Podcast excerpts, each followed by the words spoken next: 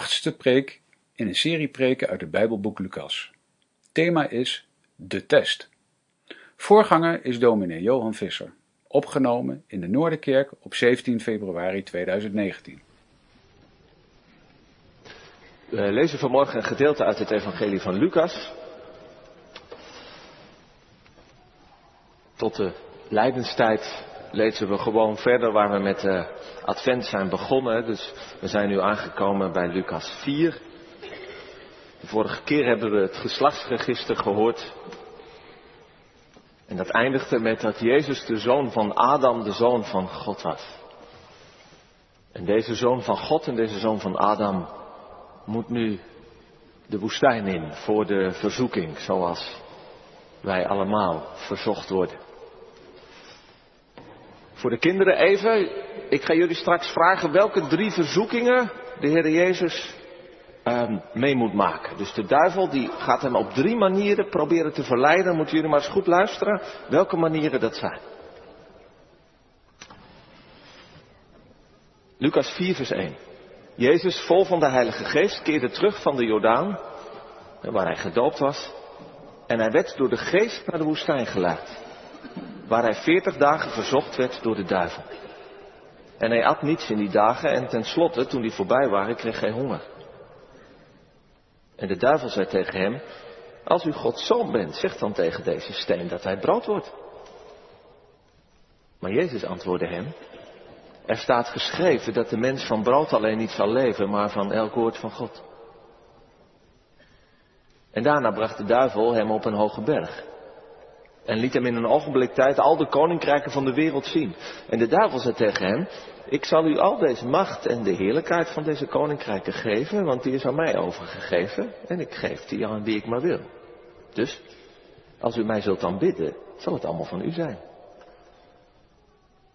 Maar Jezus antwoordde en zei tegen hem, ga weg van mij, Satan, want er staat geschreven, u zult de Heer uw God aanbidden en hem alleen dienen. En hij bracht hem naar Jeruzalem en zette hem op het hoogste gedeelte van de tempel.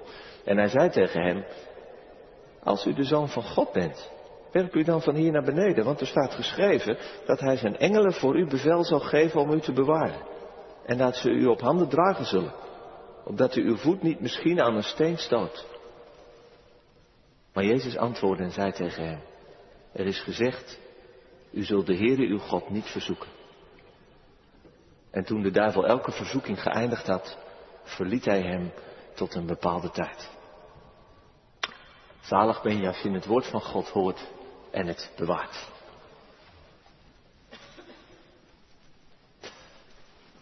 Gemeente van Jezus Christus. In de krant vertelde een huishoudelijke hulp over het leven als werkster bij de mensen thuis. En ze vertelde dat een van de meest vernederende ervaringen was dat sommige mensen expres ergens geld neerlegden om te kijken of die werkster betrouwbaar was en niet steelde. Zo'n beproeving, want dat is het natuurlijk, als je ergens geld neerlegt om te kijken of iemand het niet wegneemt. Zo'n verleiding tot het kwaad is, ook al is het bedoeld om eens te kijken wat voor vlees je in de kuip hebt, altijd wel een beetje duivels. Want het speelt natuurlijk met de verleiding tot het kwade. En het komt voort uit een heel diep wantrouwen. Het is ook typisch duivels. Verleiding, verzoeking en beproeving, dat kan zo heel duidelijk, heel bewust zijn om te verleiden tot het kwaad, maar kan ook veel, veel meer gewoon in, in, in, in ons leven naar voren komen. Dat je beproefd wordt door het leven, hoe dat je onder druk, in moeilijke omstandigheden, worstelend met, met ziekte of met jezelf. Of met donkere gedachten. Hoe je dan het volhoudt in vertrouwen op God. In gehoorzaamheid aan zijn geboden en in de liefde. En ook dan kun je beproefd worden, niet alleen door het leven zelf, maar ook van die stemmetjes van binnen of van buiten. Van die krachten die aan je trekken om je te verleiden. Om weg te vluchten bijvoorbeeld. In verslaving, in afleiding, in werk. Of om je eigen routes te kiezen. Slachtoffer te zijn. Of een beetje in een dubbel leven te leven. Of ook om God te vergeten. Dat je ongelovig wordt. Beetje cynisch. Wantrouwend. Geen enkel mens, niemand van ons hier vanmorgen ontkomt aan die beproeving. En de verzoeking van het kwade. Dat is een bijbelse realiteit. Adam en Eva werden verzocht in het paradijs door de slang.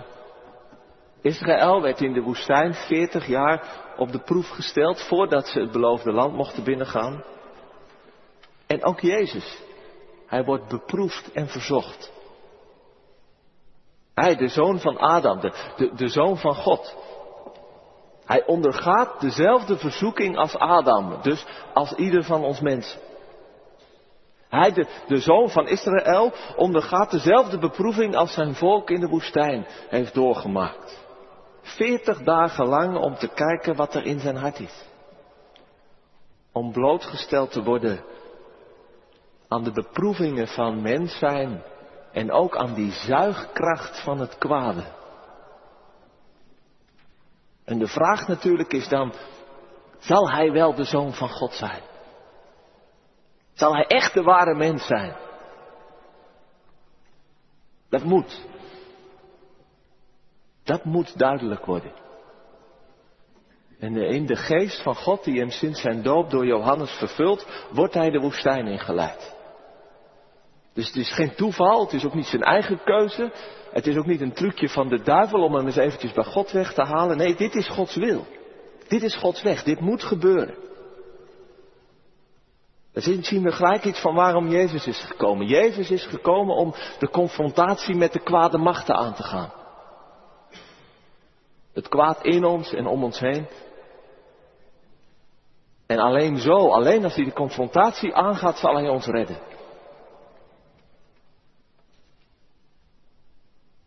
En bij dat kwaad moeten we, en die hele, dat, dat prachtige verhaal van die verzoeking in de woestijn, moeten we niet denken aan dat er een soort duiveltje verschijnt op bokkenpoten en met hoorntjes op zijn kop en zo'n drietand in zijn hand. Nee, het gaat om een stem die klinkt. Van binnen een verlangen, een idee, een gedachte, een droom, een beeld, en dat dan verleidelijk is. Zou je niet? Eens kijken hoe mooi. Je bent, toch, je bent toch goed gek als je niet. Waarom zou je dat niet pakken? Het is lekker. Heb je nodig. Heb je recht op. En die beproeving ondergaat Jezus. In de eenzaamheid. In de leegte van de woestijn. Veertig dagen lang. En tenslotte krijgt hij honger, schrijft Lucas. En dan, op dat zwakke moment, is er weer die stem. Zoals ook bij ons. Op onze zwakke moment. Als jij de zoon van God bent, kun je toch tegen die steen zeggen dat hij verandert in een brood. Nee, zoon van God. Je gaat toch niet honger zitten te lijden? Je kunt toch wel voor brood zorgen in de woestijn? Manna uit de hemel, zoals Israël ooit toen ze zo'n honger had. En dat ze bij God kwamen klagen dat ze liever terug in, in Egypte waren gebleven dan dat ze moesten sterven in in die woestijn. En ze hadden gelijk natuurlijk, want zonder brood ga je dood. Waarom zorg je niet voor jezelf? Eén broodje maar. Maar was dat niet het probleem van Israël? Dat ze zo druk en bezorgd waren met dat brood, met overleven, dat ze God vergaten.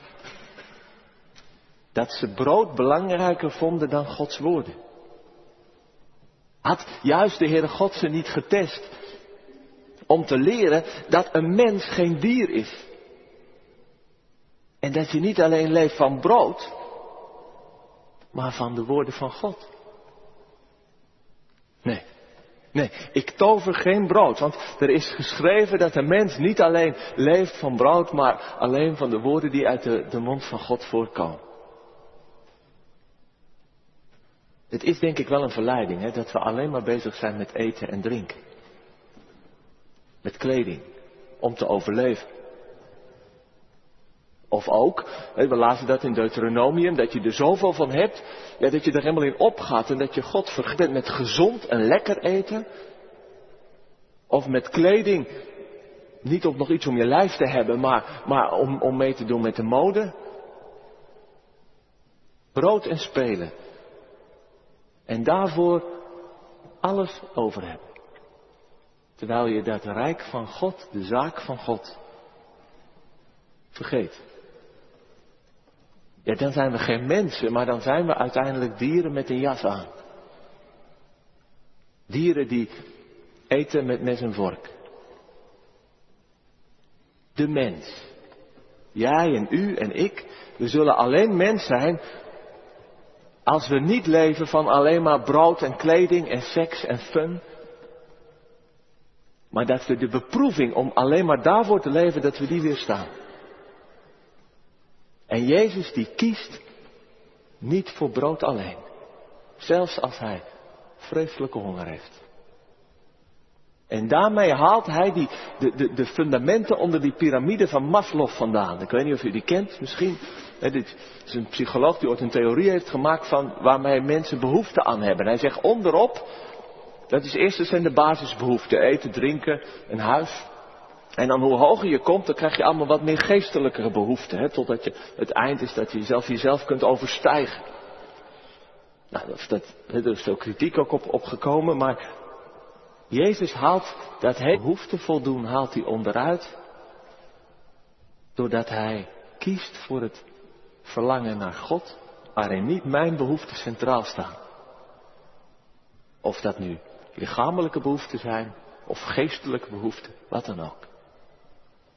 Daar ga ik niet voor. Ik zal leven bij de woorden van God. En dan, dan gaat de duivel een stapje hoger op de piramide.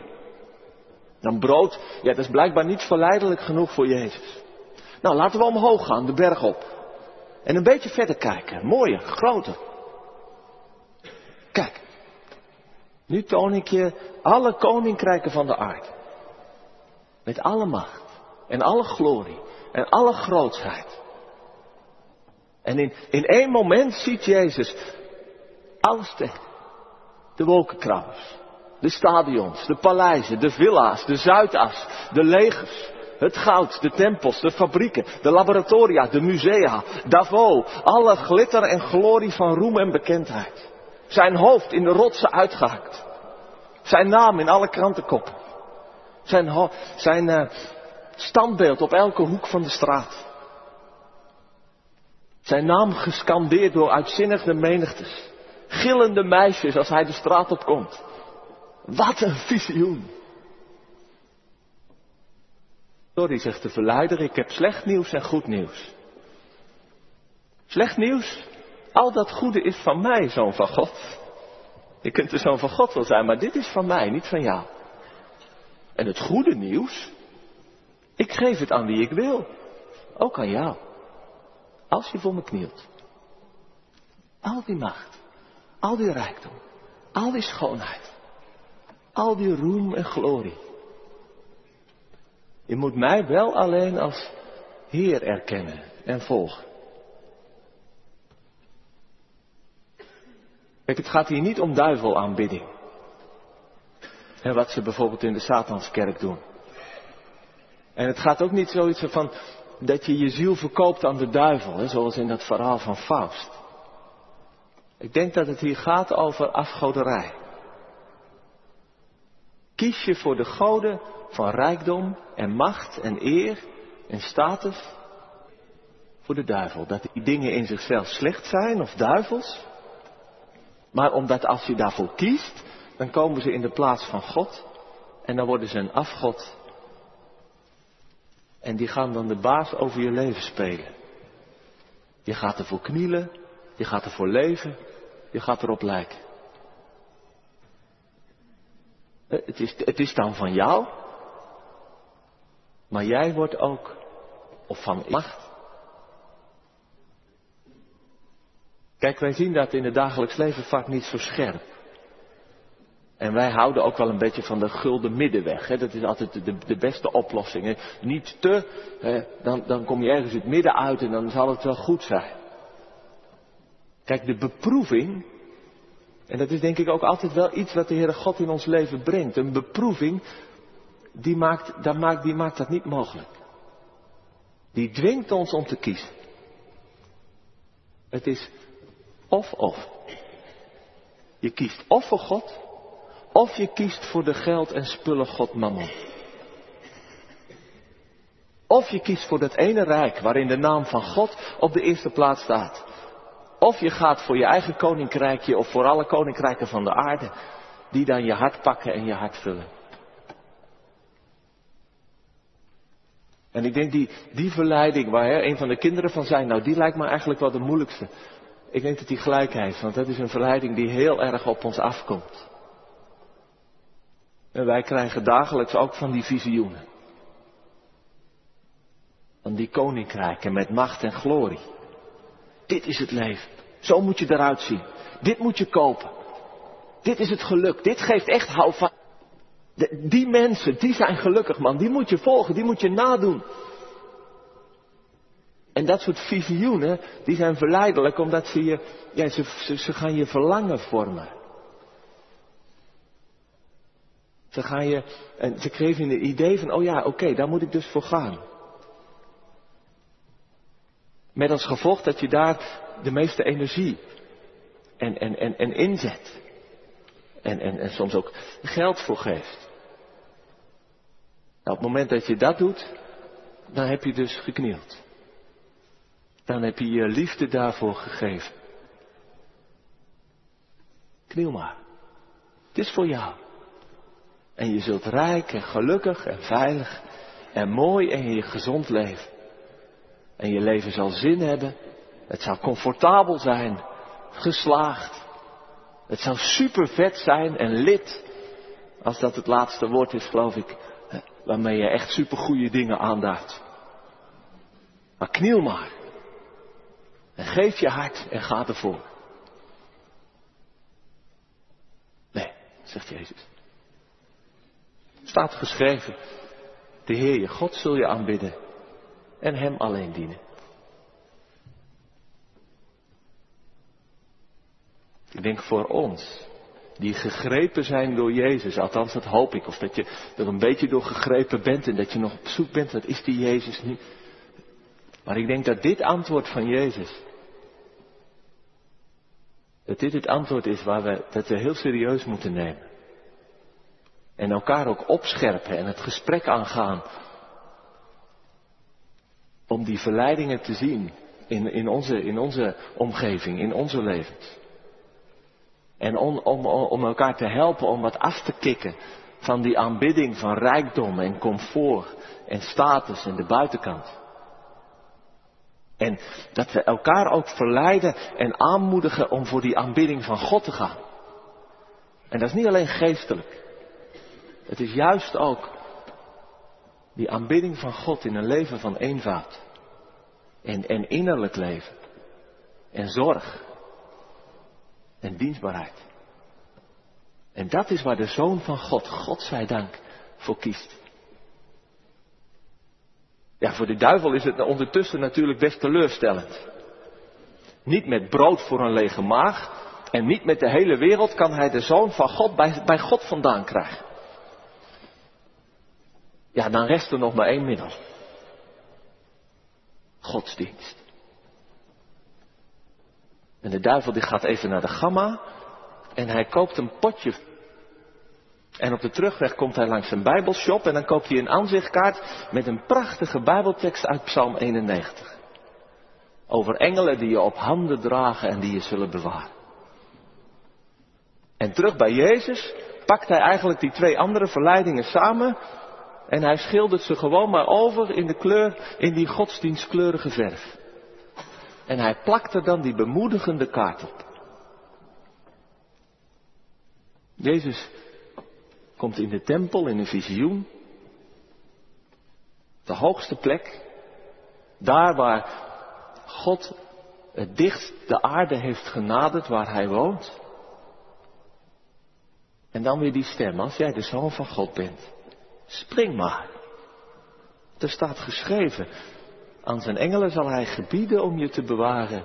Op handen zullen ze je dragen, je voet zal ze aan geen steen stoten. Je gaat misschien niet voor brood en niet voor rijkdom en macht, maar dan kun je natuurlijk wel voor godsdienstige status en veiligheid gaan. Dat is de gevaarlijkste verleiding. Godsdienst. U denkt misschien dat je hier in de kerk veilig bent. dat je hier niet verleid kan worden en dat het kwaad bij de deur van de kerk buiten blijft.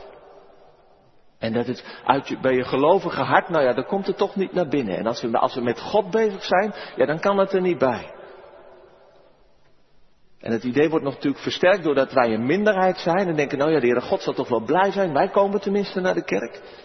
En wij zijn ook nog wel een beetje serieuze gelovigen. Fout. Godsdienst is misschien wel de, de grootste verleiding van de duivel. Want daarmee kan hij die eerste twee verleidingen in een vroom papiertje inpakken. En dat zien we niet zo goed. Want opnieuw gaat het gewoon om houvast zoeken, om iets hebben, om iemand zijn. En de duivel die biedt Jezus de absolute veiligheid. De onkwetsbaarheid aan. En dan niet van brood en niet van legers of dollars. Maar van, ja, van goddelijke kracht. Hij zal een superheld zijn. Die nooit dood kan gaan. Die altijd weer gered wordt door de goddelijke kracht. Ja, en zoals iedere ketter zijn letter heeft, zo kan de duivel natuurlijk ook Bijbel lezen. En hij heeft een belofte bij zijn aanbod. Uit Psalm 91. Als je Gods zoon bent, laat je vallen. Want er staat geschreven, God zal zijn engelen sturen en hij zal je bewaren en op handen dragen. Maar Jezus doorziet het. Dit is God verzoeken. Dit is Gods zorg en Gods ingrijpen claimen voor je eigen veiligheid. Of om, om iemand te zijn en in één keer duidelijk te maken, ik ben de zoon van God. En zoals Israël in de woestijn, want het verhaal zit op de achtergrond, speelt het erg mee. Bij Massa en Meriba. Die vroegen zich af, is God nog wel in ons midden? En daarom moest God ingrijpen en een wonder laten zien en water geven. Maar daarover zegt de schrift, je zult de Heer je God niet verzoeken. Jezus zal God vertrouwen en zijn weg gaan. En dat is niet een onkwetsbare weg. Dat is niet een weg waar succes gegarandeerd is. Dat is niet dat hij mag gaan met een veiligheid dat hem niet zal overkomen. Uiteindelijk zal het een weg zijn tot in de verlatenheid van het kruis. En dan zullen geen engelen hem leiden, maar soldaten. Dan zullen, geen, dan zullen de handen hem niet dragen, maar dan zullen de handen spijkers door zijn voeten en door zijn, zijn polsen slaan. Dan zal God geen bevel geven om hen te redden, maar dan zal God zwijgen in het duister van Golgotha. Dat is zijn weg. Ik voel zelf die derde verleiding ook wel heel sterk. Ik wil God zo graag bewijzen. Aan mezelf, aan jullie, aan Amsterdam. God bewijzen. door, door succes in deze kerk. Door wonderen en tekenen. Als, waar dus een, een, een, een wonder zou gebeuren, dan, zou toch wel iedereen toestromen en dan zou het in één keer duidelijk zijn. Of, of door, door een soort van spirituele voorganger te zijn, hè, waar God als het ware van afstraalt. Dat als je mij ziet, net als bij Mozes, dat je, dat, dat je niet in mijn gezicht kan kijken. Nou, dan, dan toch. En ik begrijp ook best dat er mensen zijn die, die een soort van goeroe zoeken. Dat ze, dat, dat iemand hebben die hen in contact brengt met God. Een soort van tovenaar die je houvast geeft. Of dat nu een christelijke is of, of een of andere vage New Age-achtige. Een soort superheld die in één keer al je sores laat verdwijnen. En ik begrijp ook mensen die gesteund door allerlei bijbelteksten geloven in een God van succes en geluk en doorbraak. Als je maar het hard genoeg roept en genoeg bidt en, en er helemaal voor gaat, dan, dan, zal dat zo zijn. En ik begrijp jou ook wel als jij wilt dat, dat God nu zich eens eindelijk duidelijk zal tonen, zodat je zekerheid hebt. Maar is dat geen verzoeking? Omdat God niet geclaimd en niet vastgepind zal worden door wat wij willen. En omdat de weg van de verlossing, de weg die God gaat in deze wereld, altijd via het kruis gaat. Dus gewond, kwetsbaar, leidend. Ook in onze levens. Alleen zo, in die weg van volledige overgave, zal de Zoon van God wel degelijk wonderen doen. En zal Hij de Verlosser zijn. En zal Hij mensen genezen. En, en een ongelooflijk houvast geven. En, en, en zal Hij zelf ook door God worden gezegend en gedragen. Maar alleen zo. God is in ons midden. Als de zoon die honger lijdt. Als de zoon zonder macht en rijkdom en status. Als de gekruisigde. Die met al het kwaad op zijn rug door God wordt verlaten. En ons redt. En zo zal hij de macht van het kwaad breken. En de verleiding van de duivel en de afgoderij van ons hart. En zal hij ons redden. Alleen zo, want, want stel je eens voor dat Jezus was gezwicht. Dat hij drie keer ja had gezegd. Hij had een broodje getoverd. Omdat hij zo'n honger had. Dan had hij voor zijn eigen overleven gekozen. En hij had net als Adam en Eva gegeten. En wij zouden precies hetzelfde moeten doen. Angstig voor onszelf zorgen. Eten, drinken, kleding, gezondheid, veiligheid. En stel je voor dat Jezus was gezwicht. Dat hij voor de power en de glory had gekozen. Dan zou hij een wereldheerser, een keizer zijn geworden. Maar daar hebben we er al zoveel van. Hij zou een afgod zijn. Zoals die dictators en die sterren, die zielig denken dat ze een soort van God zijn. En die zich moeten vastklampen aan het plus en aan hun macht. Met, met de rijkdom en schatten waar ze uiteindelijk nooit genoeg van hebben. En, en, en met eer en glorie waar ze mee moeten shinen en, en, en imponeren en concurreren om de aandacht. Maar wat zouden we ermee opschieten? De hemel zou lachen en de mensheid zou uiteindelijk huilen. En stel je voor dat Jezus was gezwicht. Dat hij zich van dat dak van de tempel had laten vallen. Nou, misschien waren de engelen gekomen. En was hij gered. Oh, en iedereen die had wauw en super en goddelijk geroepen. Maar veertien dagen later of een paar maanden later ging alles ging weer gewoon verder zoals altijd. Op een paar zielige groepjes na die, die in hem hun tovenaar hadden gevonden. Of misschien waren de engelen wel helemaal niet gekomen. En was hij te pletten gevallen. Een heel klein triest berichtje in het Jeruzalems Dagblad. Godsdienstfanaticus pleegt zelfmoord. Maar hij is niet gezwicht. En hij heeft de duivel overwonnen. Hij heeft de verzoeking doorstaan. En wat Adam en wat wij, jij en ik, wat, wat, wat, de goden en wat, wat de kerk en wat Israël niet voor elkaar krijgen, heeft hij gedaan. Hij heeft het kwaad gebroken. En dat is ontzettend goed nieuws. Dat is voor jou en voor u en voor mij goed nieuws. Wij die die zuigkracht soms ook zo ontzettend kunnen voelen. En wij die, die de verzoeking heel goed kennen.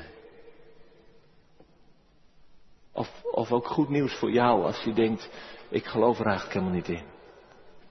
Dat dat kwaad ooit gebroken wordt. Het komt toch altijd weer terug.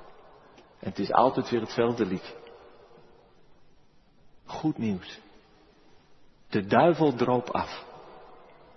Want het kwaad heeft geen vat op Jezus.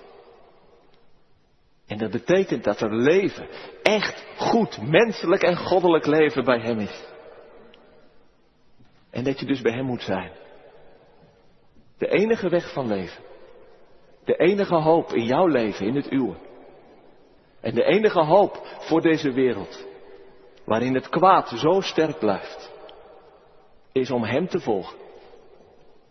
En met Hem staande te blijven in de verzoekingen en de beproeving van het leven.